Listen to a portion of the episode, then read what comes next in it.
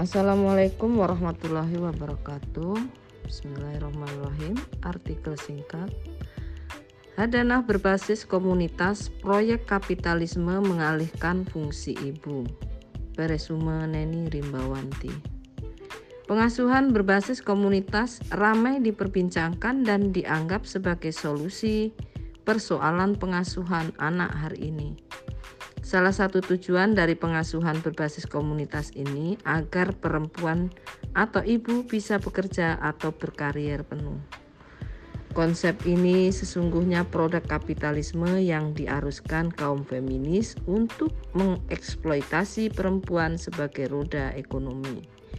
Para feminis muslim mengaruskan konsep ini dengan dalih kesalingan atau mubadalah dalam pengasuhan anak dan bahwa keterlibatan komunitas dalam pengasuhan anak. Menurut Radik, mothering atau pengasuhan ibu adalah hal kultural dan biologis yang berarti dapat dilakukan laki-laki dan perempuan. Lalu, bagaimana kondisi ideal dalam masyarakat mengenai pengasuhan anak dan merespons permasalahan yang ada? Jadi, Konsep pengasuhan berbasis komunitas ini hakikatnya mengalihkan fungsi ibu dan merusak psikologis anak dalam tumbuh kembangnya karena hilangnya peran ibu. Hak asuh anak dalam bahasa Arab adalah hadana. Berasal dari kata hidan yang berarti lambung. Seperti dalam kalimat hadana atairu baidahu Burung itu mengempit telur di bawah sayapnya. Para ahli fikih mendefinisikan hadanah sebagai melakukan pemeliharaan anak-anak yang masih kecil yang belum tamyiz untuk menyediakan sesuatu yang menjadi kebaikannya.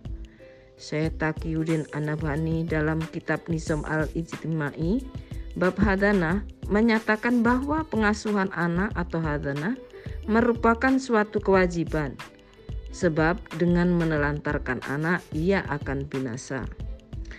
Sebagaimana hadis Nabi Shallallahu Alaihi Wasallam bahwa seorang wanita berkata, "Ya Rasulullah, sesungguhnya anak saya ini perut sayalah yang telah mengandungnya dan tetek sayalah yang telah menjadi minumannya dan haribaanku lah yang melindunginya." Tetapi bapaknya telah menceraikan daku dan hendak menceraikan ia pula dari sisiku. Maka Rasulullah bersabda, engkaulah yang lebih berhak akan anak itu selagi belum menikah dengan orang lain.